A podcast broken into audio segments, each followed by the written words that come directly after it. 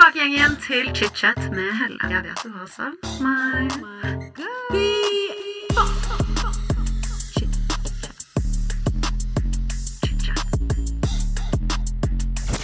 I dag får jeg besøk av en av Norges største youtubere, Victoria Skau.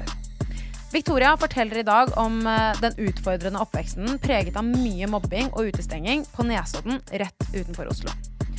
Mobbingen Victoria ble utsatt for, er noe av det groveste jeg har hørt om. Og det var virkelig syv år med helvete hun har gått igjennom. Og hun forteller i dag om hvordan det har påvirket hennes vei inn i voksenlivet og kjærlighetsrelasjoner. Vi snakker også om svik og traumer i dagens episode. Og Victoria åpner opp om gaslighting hun har opplevd, og om hvordan hun har slitt med imposter syndrome i sine kjærlighetsrelasjoner. En topic jeg faktisk så litt frem til å snakke med Victoria om i dag, er hennes relasjon til det tidligere managementet hennes, Splay. Det har gått ekstremt mye rykter i vårt miljø som jobber med sosiale medier, om at det er et uh, management som driver med litt snuskete business i forhold til sine profiler. Så jeg var spent til å snakke med Victoria om dette, og hun forteller i dag om hvorfor hun har valgt å gå til et annet management, og om hennes følelser knyttet til det hele. Velkommen tilbake dere til ChitChat. Victoria, Ja, velkommen til chit-chat. takk. Godt å se deg. I like måte. Veldig hyggelig å være her. Jeg er så glad for at du er så gira for å være her. Det første du sa når du kom inn, var bare sånn 'Jeg har gledet meg til dette'. Og jeg bare yes! Ja, men Jeg elsker jo denne podden. Det her er min go to pod, så nå sitter jeg her sjøl. Det blir jo ikke bedre enn det. Altså, det er det beste komplimentet jeg kan få. Altså, jeg smelter der borte. Virkelig. Åh, det er hyggelig. Men la oss snakke litt om deg. Vi skal jo snakke selvfølgelig om YouTube og livet ditt, og det er mye som har skjedd. Kjempegøy. Men først la oss gå litt tilbake i tid. Du er jo fra Nesodden. Ja. Rett uten Er Nesodden i Oslo, eller er det rett utenfor Oslo? Vet du hva, Jeg vil si at det er rett utenfor. Ja. Eh, og så er det så rart, fordi Nesodden er jo egentlig så nærme alt. Men samtidig så føles det som det er sånn herre Viggo Venneløs øy. For det er sånn Det er så isolert, men samtidig ikke. Det er superrart. Men det der er så sant, fordi jeg og typen min vurderte jo Vi var sånn, vi lette etter hus og liksom tittet, og så er det jo litt rimeligere der enn Oslo. Ja, ja. Så vi var sånn Å, vi sjekker det ut. Men så kjørte vi dit. Og Ja. da var vi sånn Vi innså at vi Eh, nei. Det er for langt. Men med båten går det så fort. Ja, men så er det jo så styrete med disse båttidene og ja, og man, altså For oss da som har mye som, som skjer her i Oslo, med eventer og sånne type ting, så er det liksom Da er det et hassle, altså. La oss være ærlige. Ja, Nei, vi kunne ikke. Og Nei, det å kjøre tok over en time. Mm, jeg vet. Det var det helt helt eh, sykt når det er så liksom kort avstand, egentlig. Now's the time to save 30% on wedding jewelry, only on BlueNile.com. Make sure your wedding ring is the one with your pick of diamond and lab grown diamond bands, all hand finished and graded for excellence. Or surprise her with something blue she'll love for life, like a stunning pair of sapphire earrings. Blue Nile's jewelry experts are available 24 7 to help, from fit questions to style advice. Right now, get up to 30% off at BlueNile.com. BlueNile.com. There's never been a faster or easier way to start your weight loss journey than with PlushCare. PlushCare accepts most insurance plans and gives you online access to board-certified physicians who can prescribe FDA-approved weight loss medications like Wigovi and Zepbound for those who qualify. Take charge of your health and speak with a board-certified physician about a weight loss plan that's right for you. Get started today at plushcare.com slash weight loss. That's plushcare.com slash weight loss. plushcare.com slash weight loss. Denne episoden er sponset av Hello Fresh. Og for dere som har hørt på Chichat før, dere vet at jeg elsker Hello Fresh, for dette er et fantastisk matkassekonsept som treffer meg midt i blinken. Og for de av dere som ikke vet hva Hello Fresh er, som har gått glipp av det, dessverre, nå skal dere få en full introduksjon, for dette her er altså matkasser som gjør at nordmenn over hele landet får bedre tid i hverdagen, får sunne, næringsrike middager, og det går kjapt og enkelt. Du får altså alle ingrediensene levert på døren i ferdigporsjonerte ingrediensposer. Altså det er musikk i mine ører, i hvert fall.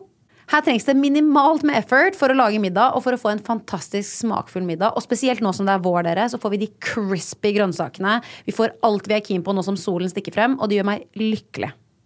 For jeg er jo en av de som hater å stå og stampe i køen på matbutikken etter jobb. Så for min del, etter jeg begynte med Low Fresh og sånn matleveringskasse, så bare åh, Jeg får altså, send inni meg av å ikke tenke på hva jeg måtte lage til middag. Og det som jeg synes er digg da, med HelloFresh, er at du kan velge mellom 25 nye digge retter hver eneste uke. Og du kan skreddersy akkurat sånn som du selv vil. Så hvis du også vil teste ut HelloFresh, så vil jeg anbefale deg å gå inn på nettsiden hellofresh.no og bruke koden FreshChat, altså som HelloFresh møter chitchat. Så det er Fresh chat i samme ord. Da får du opptil 1779 kroner rabatt på de første seks matkassene dine hvis du ikke har prøvd Hello Fresh enda. Du får i tillegg også gratis frakt på den første matposen. En liten ekstra ting er at Hvis du har vært kunde før og stoppet abonnementet ditt i tolv måneder, eller mer, så kan du også gå inn på HelloFresh og bruke rabattkoden min. Og det er ingen bindingstid, og du velger selvfølgelig selv leveringstidspunkt. Så gå inn og sjekk ut HelloFresh. Bruk koden FreshChat. Og få en lettere hverdag. Altså, det bare gjør ting enklere. Du får smakfulle middager for hele familien. Skreddersydde som du selv vil. Og bare bruk mindre tid i kø på butikken. Jeg lover deg, det er, det er veldig deilig. Sjekk ut HelloFresh og bruk koden FreshChat. Men som sagt, du er jo oppvokst der. Ja. Kan ikke du fortelle litt uh, i kjappe trekk om oppveksten din på Nesodden? Ja. Eh, jeg syns det er så Det er så rart å tenke tilbake på nå, fordi jeg flytta jo til eh, Oslo i 2020. Så jeg har ikke bodd i Oslo sånn altfor lenge. Eh, men eh, jeg var jo hjemme i jula. Eh, og da gikk jeg liksom på det ene kjøpesenteret da, som er der. Og så fikk jeg så panikk. Jeg sa det til mamma. Jeg var sånn Jeg elsker å være liksom hjemme med familien, og sånne ting men jeg hater å være tilbake på Nesodden. Fordi det bringer tilbake så mange dårlige minner. Og når jeg liksom Ja, det som alltid var fint med Nesodden, var at jeg hadde altså, all familie rundt meg. Besteforeldre, oldeforeldre, altså hele den rulla der. Men generelt, oppveksten på Nesodden var jævlig. Det var den. Shit.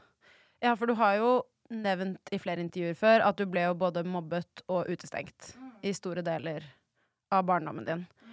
Vil du fortelle litt om, om noen av de opplevelsene? Ja. Altså, det er jo det som er så rart med Nesodden, at eh, alle kjenner alle.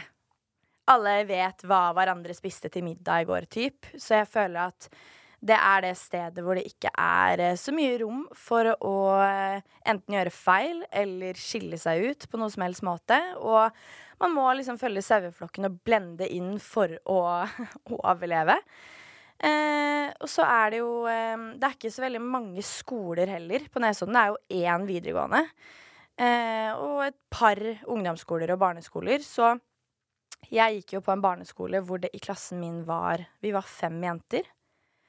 Eh, Fem og- jenter. Fem jenter, bare. Det var få. Det er veldig få. Og ja, når man da eh, brått kanskje ikke passer så godt eh, inn med de, så er det veldig lett å eh, bli utstøtt. Eh, så jeg husker at eh, barneskolen for meg, når jeg ser tilbake på det, var et helvete, om jeg kan si det. Eh, det var fra første skoledag til eh, jeg slutta i syvende klasse. Eh, med da skikkelig utestenging og eh, Jeg husker og Jeg husker så sykt godt et liksom par episoder. Jeg tror jeg har fortrengt mye av det. Men jeg husker veldig godt at jeg Flere ganger, om det f.eks. var bursdager eller sånne type ting, at det var ja, man uh, mangla en stol. Det var ikke plass, og det var sånn Vi var fem jenter, så det er sånn Åpenbart så skjønner man jo hva Og det er så råttent gjort. det er så dårlig gjort. Og så husker jeg at eh, eh, det var et par ganger hvor eh, Jeg vet ikke helt hva intensjonen fra på en måte jentenes side var, men hvor de var sånn 'Victoria, la oss henge sammen i friminuttet.' Og da ble jo jeg helt sånn jeg satt jo på en eh, stein inne i skogen og sang hvert friminutt for meg selv, liksom. Så når jeg først ble da sånn 'Victoria, vi vil ha deg med. Herregud, kom.' Så ble jo jeg sånn 'oi, shit'. Og da husker jeg veldig godt at eh, da sto vi samla, jentene, og så sier de sånn 'Victoria, nå skal vi leke en lek. Vi har eh, planlagt, liksom. Det her er så gøy.' Og så sier de ehm, OK, nå skal alle jentene si én stygg ting om hverandre.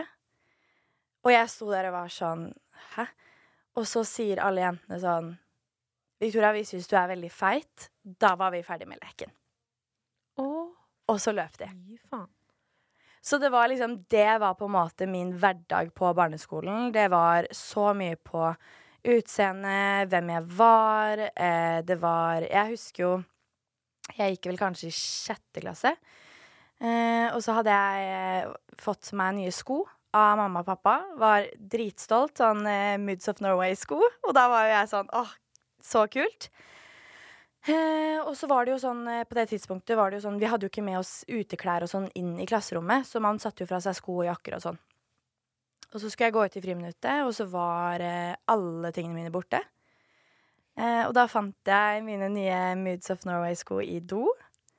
Eh, og jakka var eh, helt eh, revet opp og tråkka på og alt. Altså, dette er noe av det altså, hardeste mobbingen jeg tror jeg har hørt om. Sånn, dette er ikke bare utestenging, dette er alvorlig, alvorlig mobbing. Men hva sa foreldrene dine til dette? Du må jo ha kommet hjem uten sko og jakke. Ja, altså, det var jo det. Um, jeg har alltid hatt et veldig åpent forhold hjemme med mamma og pappa, noe jeg er så evig takknemlig for. Eh, det var jo mine beste venner, så eh, jeg la aldri noe skjul på hvordan ting var, og de òg merka jo det når jeg ikke ble invitert til bursdager, eller når jeg selv hadde bursdag og ingen kom. Um, så det var jo runder på runder med lærere og rektor, og skolen prøvde å arrangere sånne vennegrupper for at liksom den ene meg da skulle få det litt bedre, men det gjorde jo at bare at ting ble verre. Um, og barn er så fæle mot hverandre. Og når jeg ser tilbake på det i dag, hvor jeg i dag da har en lillesøster som er syv, og tenker at shit, da jeg var på hennes alder, så gikk jeg gjennom alle de tingene der, og får jo bare helt vondt av å tenk tenke på yngre meg selv.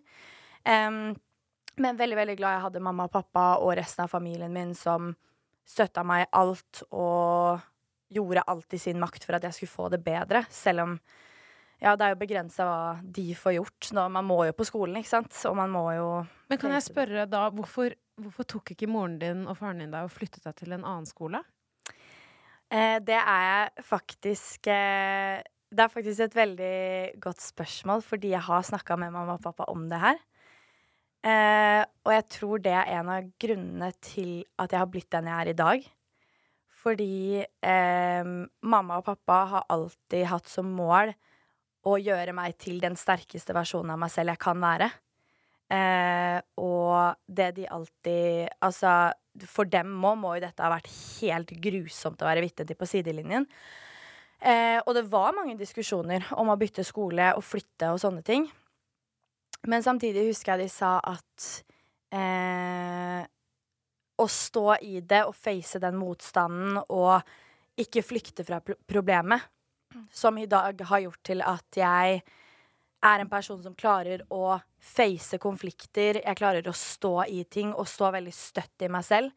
Eh, og er i dag sjukt glad for at jeg ikke eh, flytta, eller at jeg For jeg tror liksom det ville ha hånta meg i ettertid. For det som skjedde, var jo at jeg fikk en liten åpenbaring i meg selv da jeg var Jeg gikk i syvende klasse. Og så hadde jeg sett et eller annet TV-program eh, som handla om Det var nors norske kjendiser som reiste rundt i skoler og skulle prate om sine opplevelser. Og da var det Og jeg husker ikke hvem det var, men det var en kjendis som prata om liksom sin mobbehistorie og sånne ting. Eh, og da tenkte jeg bare sånn i syvende klasse sånn Nå er jeg så langt nede at jeg har, jeg har ingenting mer å tape. Eh, på bare si ting som det er. Face det og være brutalt ærlig. Så dagen etter så gikk jeg bort til læreren og så sa jeg sånn Jeg har et par ting jeg vil si til klassen. Og da sa læreren sånn OK. Jeg var jo den som folk i dag er sånn Gikk du i klassen min? Sa jo ingenting, ikke sant? Og eh, gjorde minst mulig ut av meg.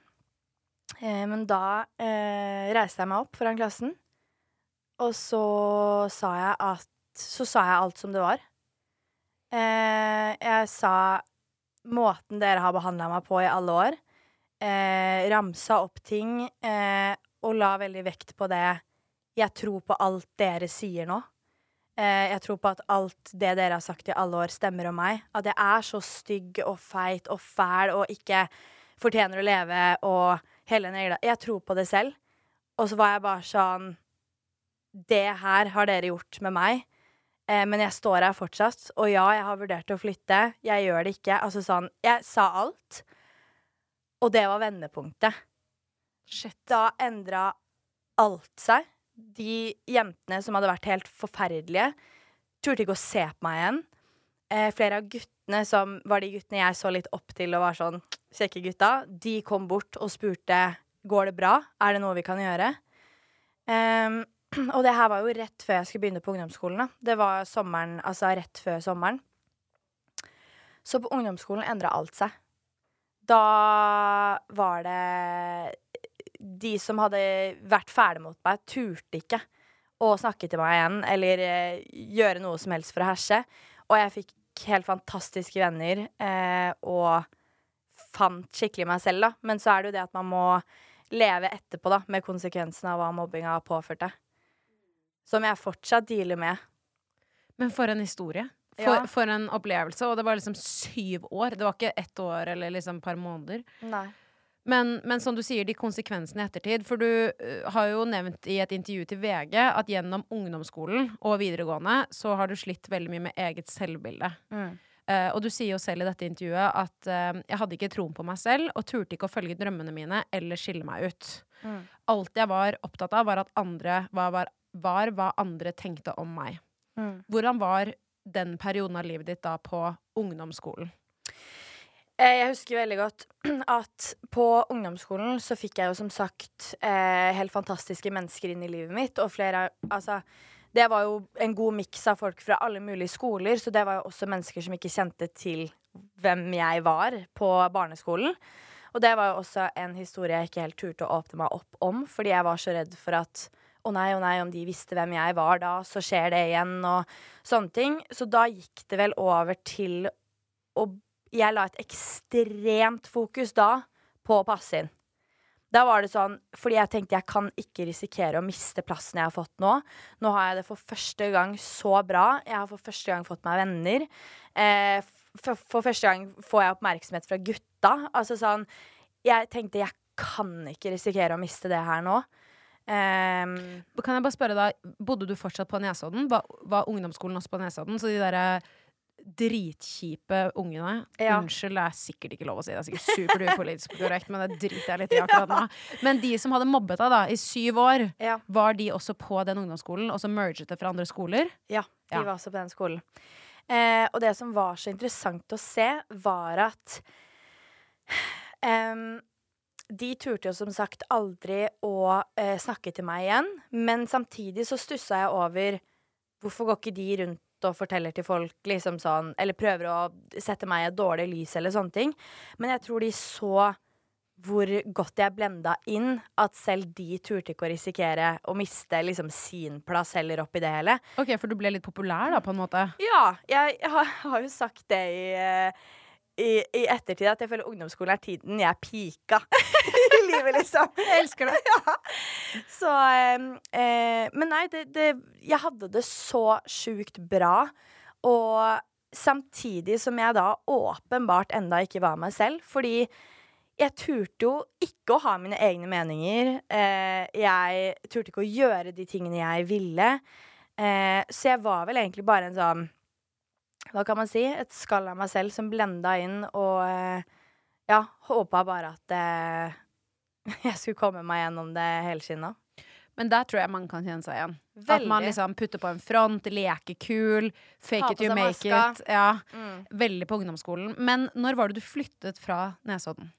Det var jo ikke før i eh, 2020, så jeg gikk jo på videregående på Nesodden òg. Ja. Hvordan var den opplevelsen? Eh, der følte jeg litt at det var litt tilbake til barneskolen, egentlig. Ikke for meg på en måte eh, mobbing og, og sånne ting, men jeg merka at Fordi det som var, var at jeg har jo alltid vært en showgirl. Jeg har jo alltid elska å underholde og filme og, og sånne type ting. Eh, men det igjen var jo å skille seg ut og eh, gjøre noe annet, og jantelov og hele den pakka der. Så jeg husker jo eh, at jeg på ungdomsskolen, når jeg liksom hadde funnet litt min plass, prøvde på dette med YouTube og, og sånne ting. Og Så YouTube jo begynte allerede når du var da sånn 15? mm, OK! Ja, så One of det, the OGs. Yes, Ja. jeg elsker det. Men det som var, var jo at jeg eh, filma, la ut videoer, syntes det var dritgøy. Men så kom jeg jo på skolen dagen etter, eh, på da ungdomsskolen, hvor ting var dritbra. Hvor folk hadde satt på videoene mine i timen og ropte Ah, YouTube-stjerna, ti abonnenter, you go, girl. Og da husker jeg at jeg var sånn Å nei, å nei, å nei. Fikk tilbake følelsen fra barneskolen. Kan ikke risikere å skille meg ut. Gikk rett hjem, sletta alle videoer og sletta kanalen.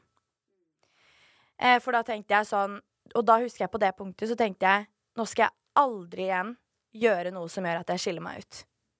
Jeg tenkte aldri. Jeg, jeg kan ikke risikere det. Jeg kan ikke risikere å få det så dårlig med meg selv igjen.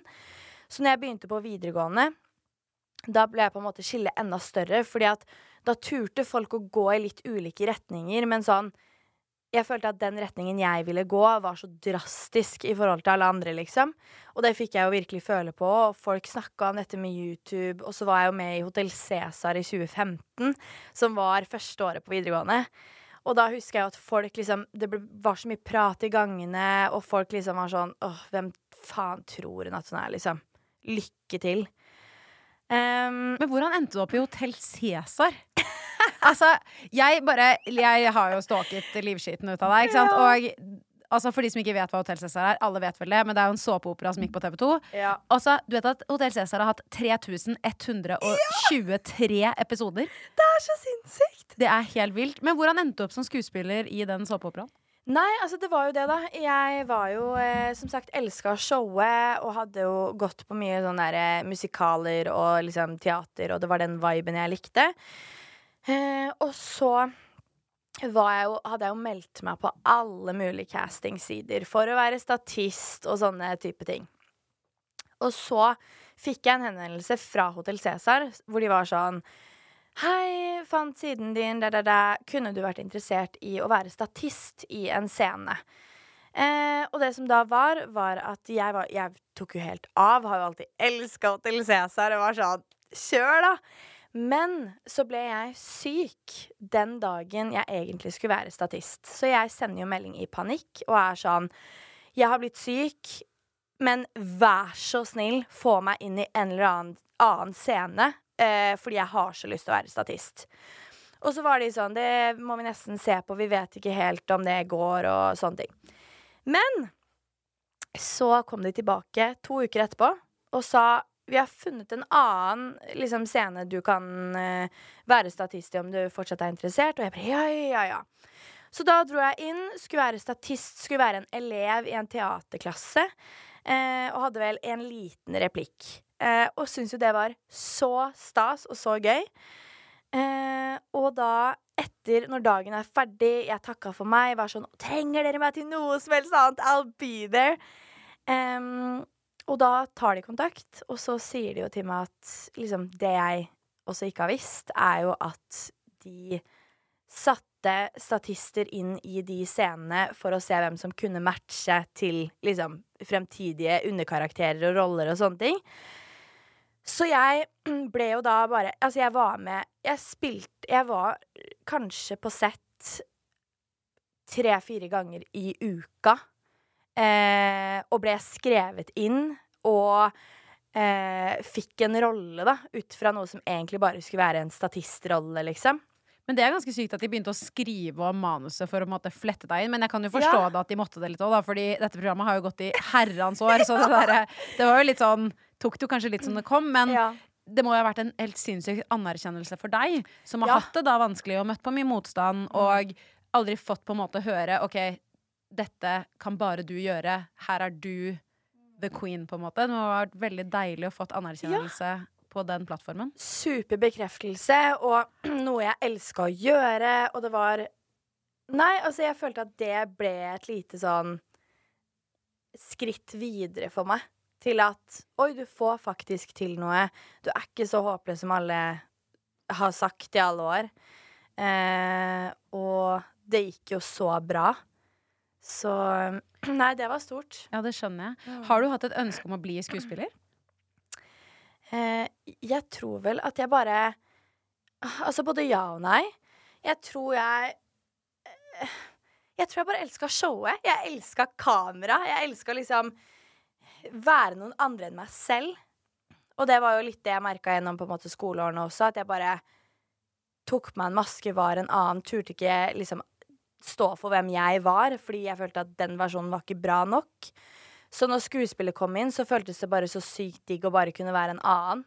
Så jeg gjorde jo en del greier etter det. Ikke sånn superstore, men jeg spilte jo i serien til Thomas Hays, jeg heter ikke William. Og eh, var statist i Unge lovende og liksom prøvde litt forskjellige ting. Men så var jeg sånn Shit, det jeg liker kanskje ekstra godt, er jo å være meg selv på kamera. Eh, og lære meg til at den versjonen også er god nok. Um, og jeg klarte jo aldri å slippe tanken på liksom, YouTube og alt det der etter jeg sletta kanalen.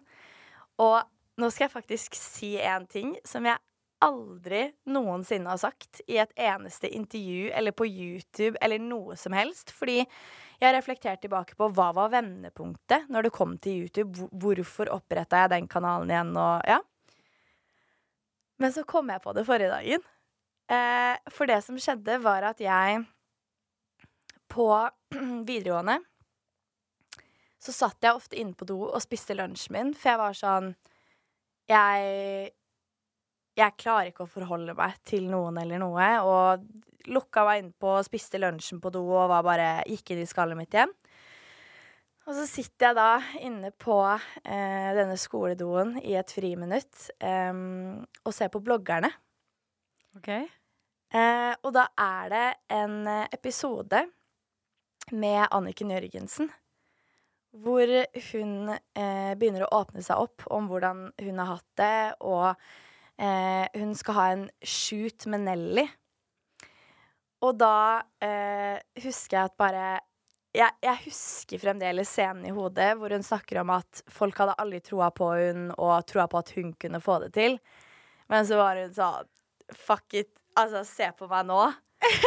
Når hun har shoot med Nelly og bare Du ser hun blomstre, og at hun gløder og bare sånn Jeg fikk det til. Og det er den scenen som har gjort at jeg var sånn Faen, jeg skal få det til, jeg òg. Men det betyr egentlig at din muse, ditt ikon, var Anniken Jørgensen. Uten henne så hadde du mest sannsynlig ikke hatt den plattformen du har i dag. Nei. Uten, altså hadde ikke jeg sett akkurat den episoden med bloggerne og akkurat den scenen med hun når hun sier Fuck it, jeg skal få det til. Jeg viste dem. Jeg fikk det til. Da hadde jeg nok aldri oppretta den YouTube-kanalen igjen. Men dette er veldig gøy. Jeg elsker det. Ja, jeg elsker det. Det er helt sykt. Og i dag har du jo over 90 000 subscribers. Mm. I tillegg til at du har masse følgere på Instagram også. Og jeg elsker jo dette YouTube-miljøet. Du ja. er jo god venn med liksom Sandra Thorn. Hun har alltid også vært her. Ja. Nydelig dame. Men altså, jeg føler alltid at det er så sykt god stemning i dette YouTube-miljøet. Er det alltid det, eller er det bare sånn det ser ut for oss andre? Vet du hva? Det er det jeg syns er veldig gøy, fordi um, da jeg kom inn i YouTube-miljøet, ble jo litt sånn brått kasta inn, og fikk jo liksom bare brått et gjennombrudd, og så var det liksom snakke med management og liksom sånne ting. Så, eh, og på tidspunktet jeg kom inn i YouTube-Norge, så var det egentlig en veldig etablert gjeng allerede. Um, så jeg husker at jeg var veldig stressa for sånn Er det sånn det ser ut? Uh, er det så god stemning? Er de så hyggelige? Ja, for du kan være enig. Du ja. forstår hva jeg mener. Ja, ja, og ja. jeg var jo kjempestressa, og liksom Det er jo mennesker man har uh, fulgt med på, og liksom Og sånne type ting, da. Og så kommer jeg inn, og Det er så bra.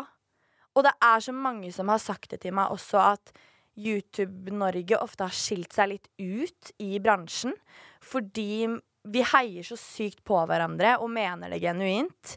Eh, vi vil se hverandre lykkes. Vi vil se hverandre altså, ha det bra både businessmessig og personligmessig. Og det er ikke sånn å, vi er venner fordi vi er youtubere. Vi er genuint venner fordi det er mennesker med like verdier og holdninger som deg selv, da. Eh, og ja, det, det føler jeg er eh, så sjeldent å finne. Ja, jeg er helt enig, og jeg har Ja. jo fått det samme nå i Beautybloggerne. Ja. Hvor de er liksom mine venner. Vi startet jo å lage Beautybloggerne som en gjeng, Ja. men nå har vi blitt eh, en liten familie, kaller vi oss liksom. Men det er akkurat det jeg føler med dere. Så, og så skal jeg jo eh, Jeg bare sier det. Mm. Det kanskje noen som ikke er enige, kanskje noen er enige. Ja. Sikkert mange som er enige. Eh, fashionmiljøet Mm. i Norge. Mm. Det er et miljø som jeg syns er utfordrende å komme inn i. Ja. Og det er et miljø som jeg syns er litt sånn albuer for først. Mm. Eh, men YouTube-miljøet, dere er alltid kjempehyggelige. Mm. Beauty-miljøet har også tatt meg imot med åpne armer. Jeg vet at ikke alltid alle har blitt det, så jeg skal ikke snakke for alle. Mm. Men eh, det er derfor jeg bare måtte spørre om det med liksom eh, hvordan dere har det innad. For jeg føler virkelig at YouTube-miljøet er så positivt. Ja. Også fordi at det er veldig mange unge. Ja, det Så det, det. blir litt annerledes. Uh, nå snakker ikke jeg snakker noe skit om fashion, men der føler jeg liksom at folk kanskje er veldig opptatt av seg og sitt. Mm. Mm. Så uh, ja, man merker det når man er på eventer og sånn. Ja, og jeg syns det, det er veldig interessant fordi at det er Bransjen er så stor, men samtidig så sjukt liten.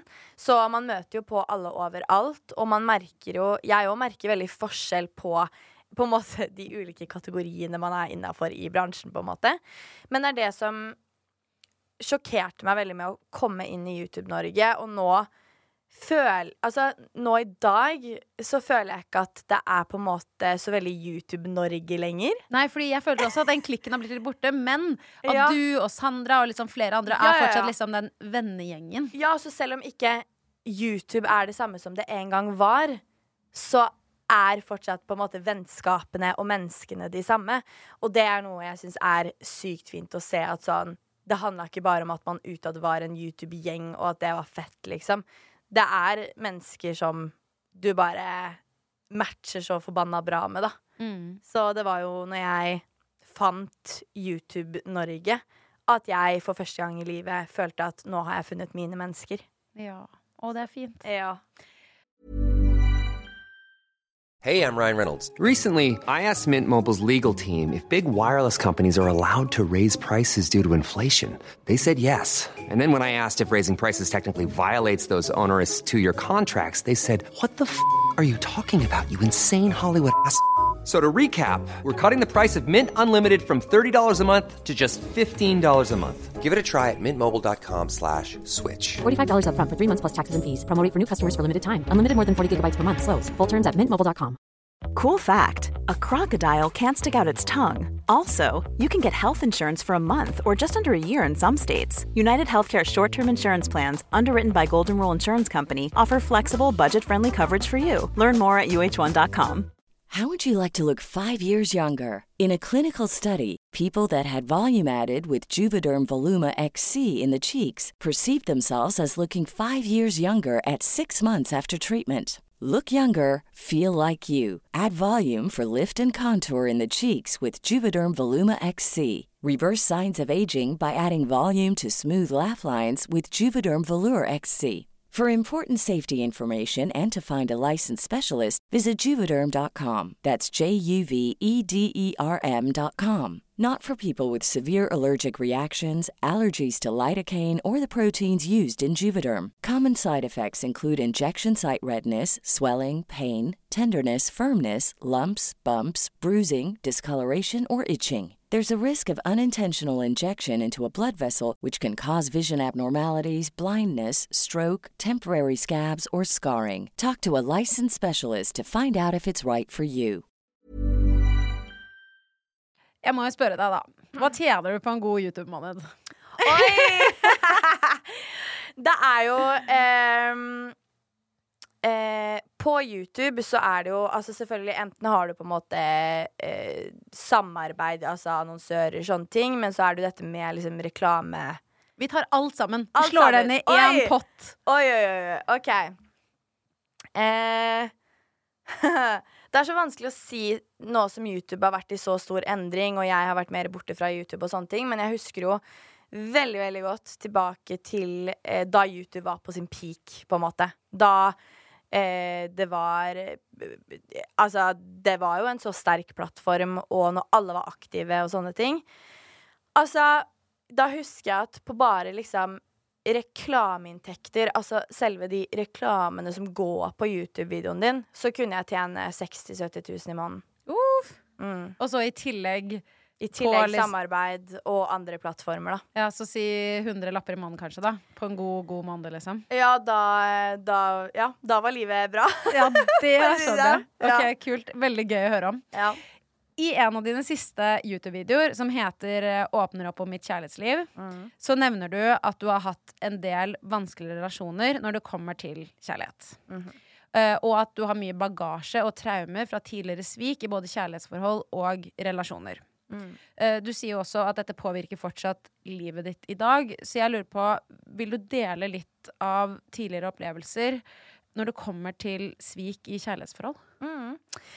Jeg har jo alltid ansett meg selv som en veldig forholdsjente.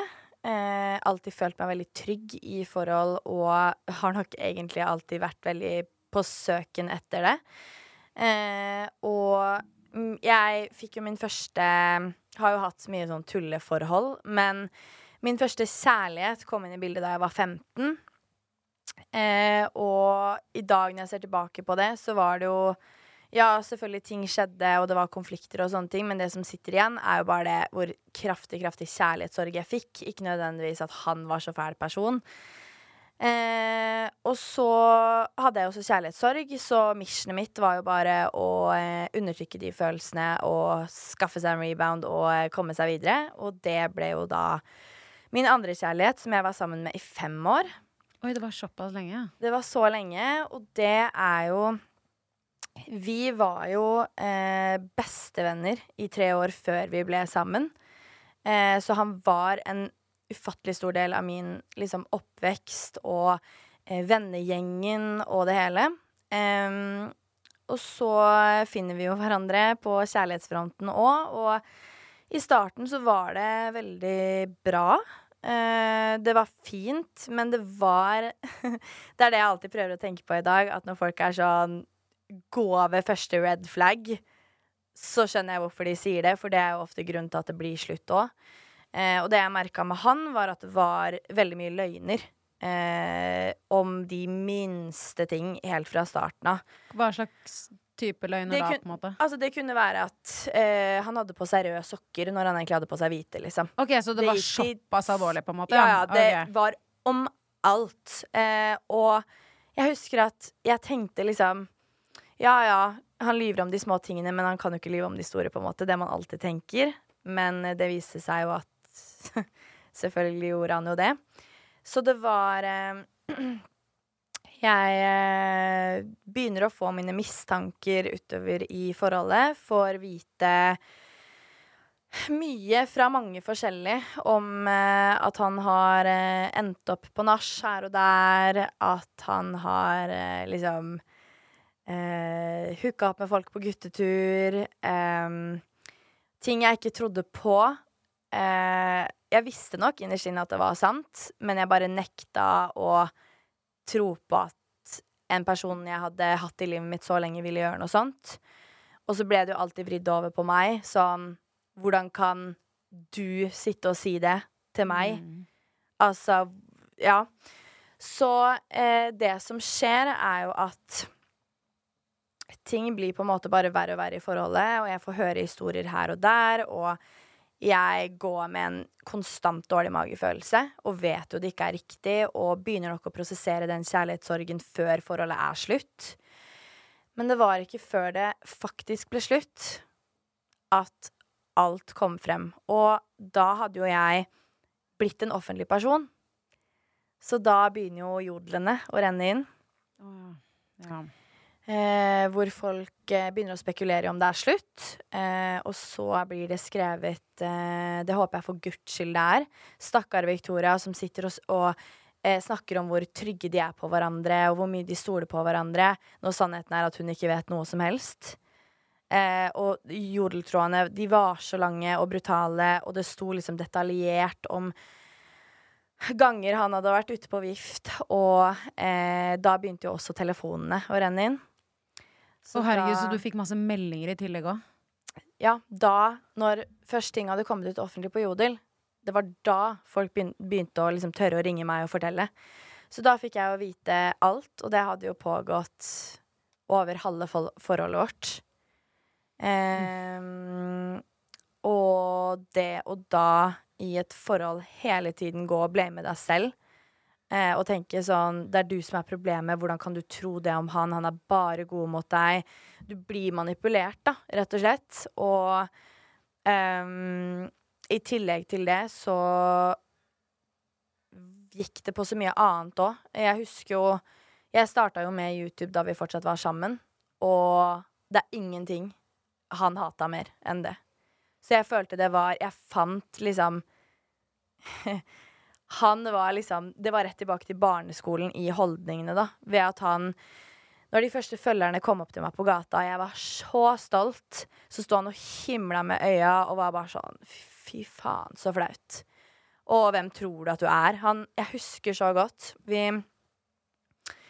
eh, Vi var på en ferietur. Eh, og jeg var så stolt, fordi at den ferieturen hadde jeg kjøpt til oss for mine første YouTube-penger. Og jeg var så stolt. Jeg var sånn, Det var så mestringsfølelse. Og selvfølgelig, og så sjenerøst av deg da å bruke de pengene på han Ja. og deg. Ja, ja, Jeg var så stolt, og han visste jo godt at det også var for Altså fra YouTube og sånne ting. Eh, og så ligger vi på hotellet, og så mm, var han mye sliten og, og sånne ting. Og så ligger vi der, og så ligger han og powernapper, og så tenker jeg ja, da kan jo jeg redigere litt videoer i mellomtiden. Og så husker jeg bare at han våkner, og så bare smeller han igjen PC-en min, og så sa han sånn Ligger du og redigerer nå? Og så sa jeg ja, hva, hva er galt med det? Jeg må jo gjøre noe, liksom. Altså, så sa han du skal vite én ting, Victoria. Jeg kommer aldri til å se på YouTube som en ordentlig jobb. Å, herregud. Og var bare sånn Og jeg husker det knakk meg så sykt, fordi endelig hadde jeg funnet noe jeg var god på. Noe jeg følte jeg mestra.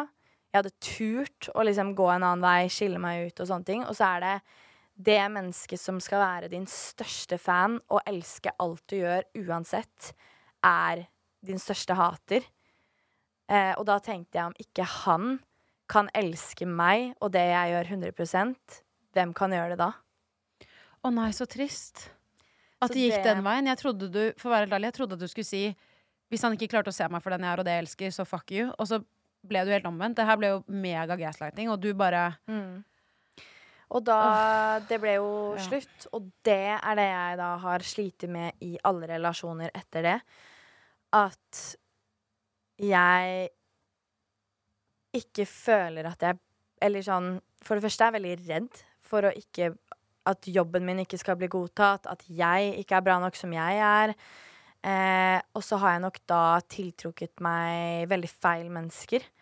Eh, jeg går for de som vil ha meg for en kveld, eller de som lovebomber meg, eller eh, som jeg åpenbart ser gir meg helt feil oppmerksomhet, da. For jeg tenker at Men jeg har jo ikke vært mer enn det.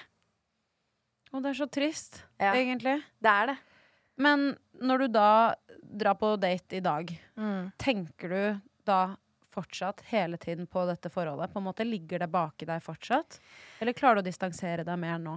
Mm, jeg føler Altså, jeg Jeg er veldig glad for at jeg har møtt på veldig mange forskjellige typer mennesker etter eh, mitt siste forhold, da. Og det ble jo slutt i 2019, så det er jo et par år siden. Og at jeg liksom har data veldig mye forskjellige folk, og liksom sett at det finnes faktisk sykt mange fine mennesker også, som godtar meg for den jeg er, og, og sånne ting. Men det ligger fortsatt i bakhodet, og jeg er Sånn som for eksempel på Tinder. Eh, det står ikke noe om hva jeg gjør, hva jeg jobber med. Eh, om folk spør, så sier jeg 'selvstendig næringsdrivende'. Fordi jeg er så traumatisert over at Ja, det ikke ble godtatt, da. Det jeg elsker mest. Og det er nok det som sitter Sitter dypt i meg, da. At jeg tenker jeg kommer aldri til å finne noen som faktisk heier på meg og syns det jeg gjør, er dritfett, uavhengig av hva det hadde vært. Eh, for jeg vet jo at det er det jeg hadde gitt til et annet menneske jeg er glad i, da.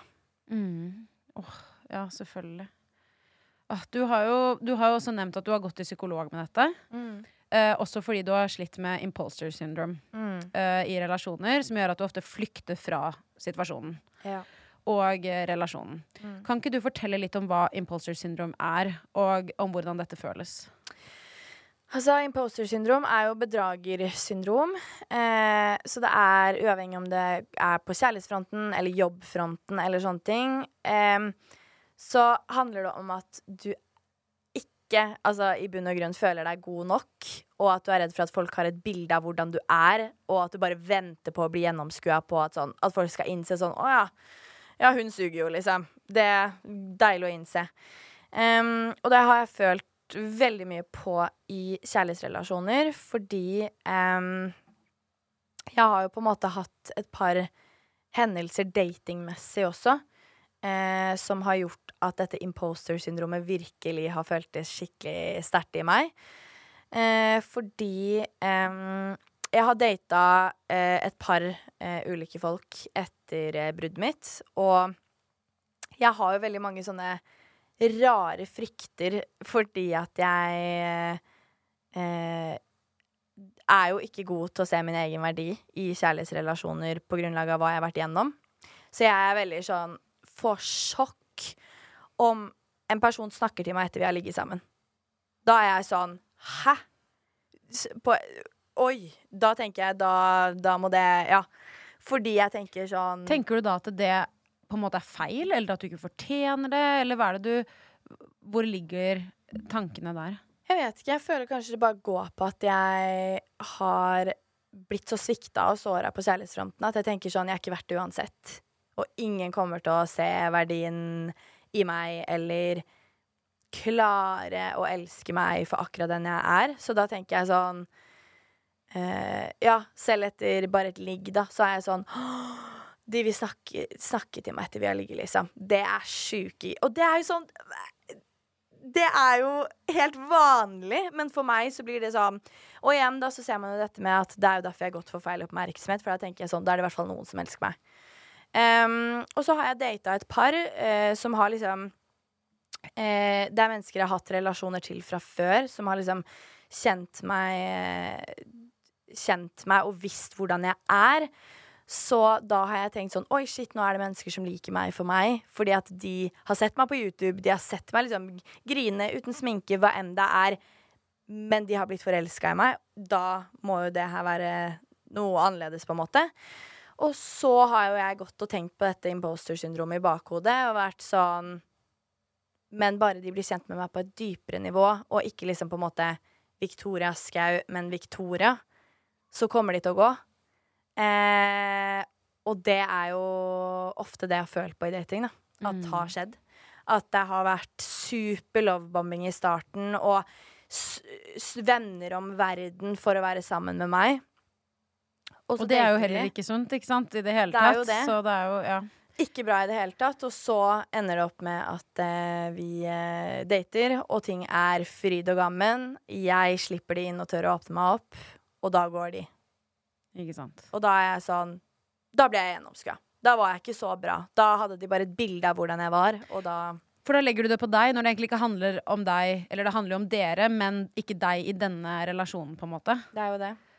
Åh, veldig Men du snakker nå så ekstremt reflektert om det, og du har jo åpenbart tenkt mye på dette. Ja. Hvordan er datinglivet ditt i dag, og sliter du fortsatt med disse følelsene? Ja, altså Både og, men jeg har fått um, Jeg skrev en bok om kjærlighetssorg uh, som omhandla en person jeg bare data uh, i et par uker, og som endte opp med å bli den verste kjærlighetssorgen jeg noensinne har hatt. Uh, og etter den relasjonen så data jeg ikke så veldig mange, eh, fordi jeg var så redd. Men når jeg først nå, det siste året, har begynt å tørre å date igjen, da, så har jeg merka at shit som jeg lærte av den kjærlighetssorgen og relasjonen. Fordi jeg ser verdien min på en helt annen måte nå. Jeg er villig til å gå fra en fin relasjon, men som jeg likevel ikke ser at er riktig for meg. Eh, noe jeg aldri hadde klart før. Em, og jeg eh, står så mye sterkere i meg selv på et vis, og det er vanskelig å forklare, men jeg bare merker at jeg tar ikke hver avvisning eller avslutning eller sånne ting er ikke lenger verdens undergang. Og det er bra. Ja, og Fordi det vi- var det før, ikke sant? Men vi alle kommer til å bli avvist så mange ganger i kjærlighetsliv, av venner, Ja. i jobbsammenheng. Og det å takle avvisning, det, Det tror jeg er så ja, men jeg tror det er så viktig. Fordi det er en stor del av livet, og det er helt OK. Og jeg tenker at det å ikke få den jobben, det å at en venn ikke ønsker å være vennen din, det trenger egentlig ikke å handle om deg. Nei, det Det det. handler kanskje mer om hva andre ser etter, og det trenger ikke å være noe negativt engang. Ofte i f.eks. en vennesituasjon, da at man sklir fra hverandre. Det er ikke alltid en dårlig ting. Nei, det det er er livet. Jeg liksom. er så enig, og det er sånn Når jeg ser tilbake på livet mitt, da, på ting som ikke har fungert, og, eller enten det er vennskap eller jobber eller kjærlighet, så skjønner jeg hvorfor det ikke skulle gå. Eller hvorfor man fada, eller hvorfor det ble slutt. Og i dag så sitter jeg jo at, og vet for eksempel at hadde det ikke blitt slutt med meg og han jeg var sammen med i fem år, så hadde ikke vi to sittet her i dag og prata. Nei, ikke sant. Det kan jeg love deg. Mm. Ja, du, dette er veldig å, Jeg elsker at du snakker om det, og det er sterkt. Og jeg tror veldig mange kan relatere til det, så det er helt nydelig. Men jeg må gå litt tilbake til YouTube og jobb. For du har jo vært tilknyttet et management som heter Splay i mange år. Og bare for å forklare for de som ikke vet helt hva et management er, så er det en type influensebyrå som står for annonsering og markedsføring i sosiale medier til profilene sine. De selger da annonser som profilene eh, publiserer, og så tar management en kutt av det. De aller fleste vet sikkert hva dette er, men jeg bare tenkte jeg skulle legge det ved. Altså, jeg har jo hørt at Splay har vært litt snuskete med deg. Og det går ut på at Splay, eh, Splay har tatt da en cut, som de gjør med alle profilene sine. Men at de også har lagt til en del tilleggssummer som ikke profilen har vært klar over. Eksempel at managementet tar en kutt på 25% Jeg vet ikke om det er akkurat tilfellet her, men du skjønner hva jeg mener. Og så legger de til tilleggstjenester på mange tusen kroner som gjør at de tar en mye høyere prosent cut. Har en lignende situasjon skjedd med deg? Ehm, jeg syns det er vanskelig å svare på når man ikke har noe sort på hvitt. Um, men uh, jeg kan jo s ja, si at jeg eh, har jo oppdaga et par ting jeg ikke trodde var tilfellet. Eh, for nå har jeg jo vært der lenge i fire år i år. Eh, og ja, har blitt satt ut av noen ting. Eh, som ikke bare går på meg, men også på en måte andre profiler, da. Vi er jo begge i ganske lik bransje, selv om vi driver med forskjellige ting. Og jeg også har hørt mye gjennom tidene, og ikke bare når det kommer til deg, men med veldig mange profiler også. Og jeg syns at dette er rart at det ikke har blitt snakket mer om. Og det gjelder ikke bare Splay, det gjelder management generelt. Fordi ofte så er mennesker som går inn i sosiale medier og får veldig mange følgere, er ofte unge mennesker. Uh, og det er de som driver management, er ikke unge mennesker. Og de har drevet med økonomi og markedsføring ofte i mange år. Så jeg bare vil bare snakke med deg åpent om det, for jeg føler at dette er en, en samtale som man burde snakke mer om. Uh, og jeg har jo hørt flere omtale f.eks. Splay som et luftslott. Å ja, det har ikke jeg Ja, OK. Ja.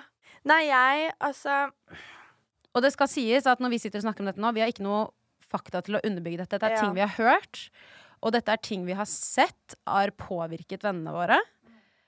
I hvert fall kan jeg si det fra min side. Um, så um, da vet dere det. At dette er fra vår side, og dette er åpenbart ikke noe management som står og snakker for sin side av saken her. Så det må være sagt. Nei, jeg um, har jo vært display i um, fire år, som sagt. Ikke nå lenger. Nå er jeg jo ute av Splay. Um, og var jo Hvor gammel var jeg? 20? Da jeg kom inn. Er veldig ung, hadde aldri drevet med YouTube før. Visste ikke noe av hva det gikk ut på. Var veldig ny i gamet. Og så hadde jeg jo på det tidspunktet liksom ingen nære venner innafor bransjen heller, så det er jo sånn Man skjønner jo ikke en dritt når man signerer på kontrakter eller sånne type ting. Um, men jeg har jo vært der lenge, og for meg så ble det jo som en skikkelig familie. Uh, og mine fineste vennskap har kommet ut ifra Splay, og eh, setter veldig pris på ting jeg fikk oppleve der, men samtidig så eh, er det en grunn til at jeg går nå.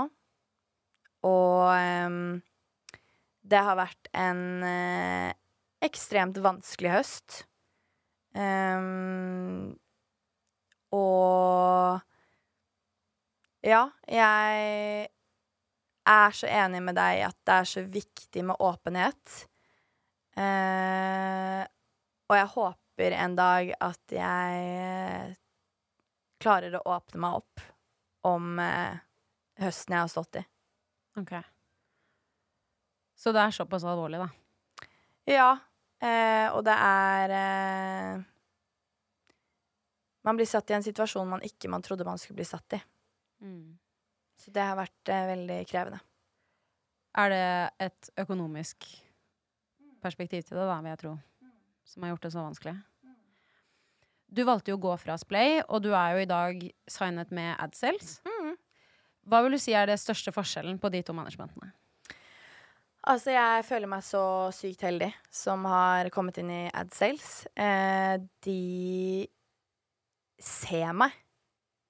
Eh, og de ser meg som mennesket jeg er, og profilen jeg er. Altså, jeg føler allerede at jeg har funnet meg selv som merkevare.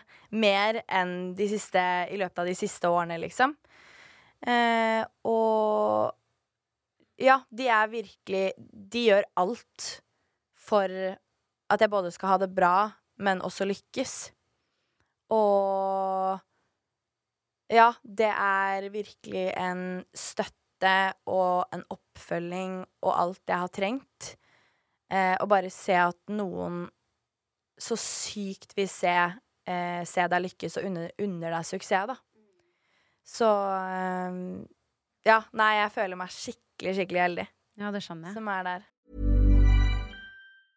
Want to get a chiseled look in the jawline? Sculpt and shape your jawline with added volume from Juvederm Volux XC. Juvederm Volux XC is an injectable gel specifically designed to be robust enough to improve moderate to severe loss of jawline definition. And it is the first and only hyaluronic acid filler approved for the jawline. Add volume to your jawline for a chiseled look with Juvederm Volux XC. For important safety information and to find a licensed specialist, visit juvederm.com. That's J U V E D E R M.com. Not for people with severe allergic reactions, allergies to lidocaine, or the proteins used in Juvederm. Common side effects include injection site redness, swelling, pain, tenderness, firmness, lumps, bumps, bruising, discoloration, or itching. There's a risk of unintentional injection into a blood vessel, which can cause vision abnormalities, blindness, stroke, temporary scabs, or scarring. Talk to a licensed specialist to find out if it's right for you. Visit juvederm.com. That's J U V E D E R M.com.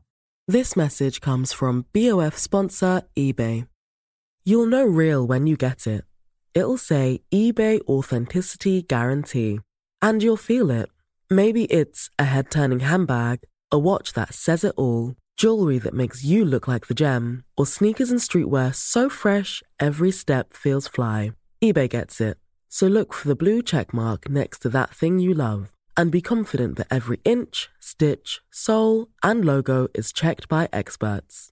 With eBay Authenticity Guarantee, you can trust that feeling of real is always in reach. Ensure your next purchase is the real deal. Visit eBay.com for terms. ACAST powers the world's best podcasts.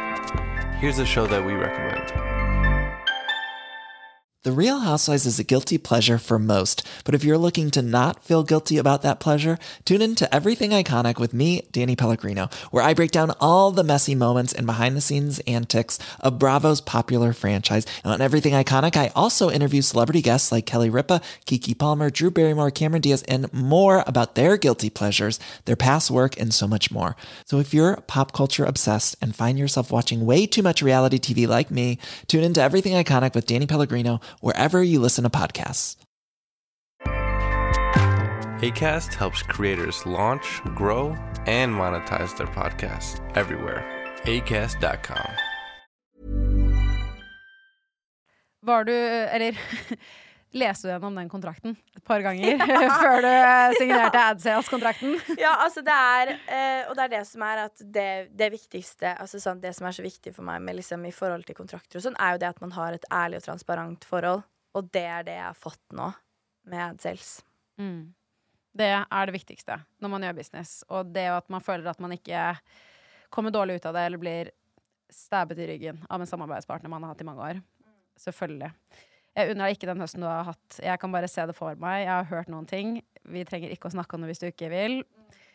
Mikrofonen her er om et halvt år hvis du vil snakke om det da. I'll be back, I'll be back. det er nydelig. Men har du noen drømmer og mål for året som kommer?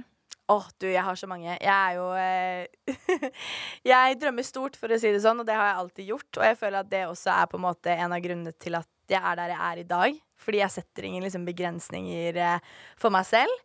Så jeg har eh, Jeg har sjukt mange mål. Jeg har jo for det første kjempelyst til å skrive flere bøker.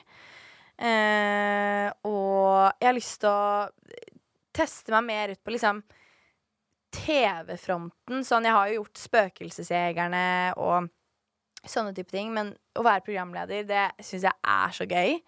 Så eh, ja, og kanskje, kanskje noe reality. Oi! Ja. Gøy. Ja. Er du med i noe reality i 2023? Hvem vet? Hvem vet? Vi får se. Vi får se. Å, jeg gleder meg i hvert fall. Og jeg må bare si, Victoria, det har vært nydelig å ha deg i studio i dag. Ja, det har vært nydelig å være her òg. Det har vært en glede. Du stråler. Så tusen takk for at du kom i chit-chat. Takk for at jeg fikk komme. Og til deg som har lyttet til denne episoden, hvis du likte det du hørte, så gå gjerne inn i appen og abonner på ChitChat med Helle. Da får du automatisk opp nye episoder hver eneste torsdag. Og hvis du er ekstra grei, så legger du gjerne igjen en review. Det hadde jeg satt kjempestor pris på. Vi høres!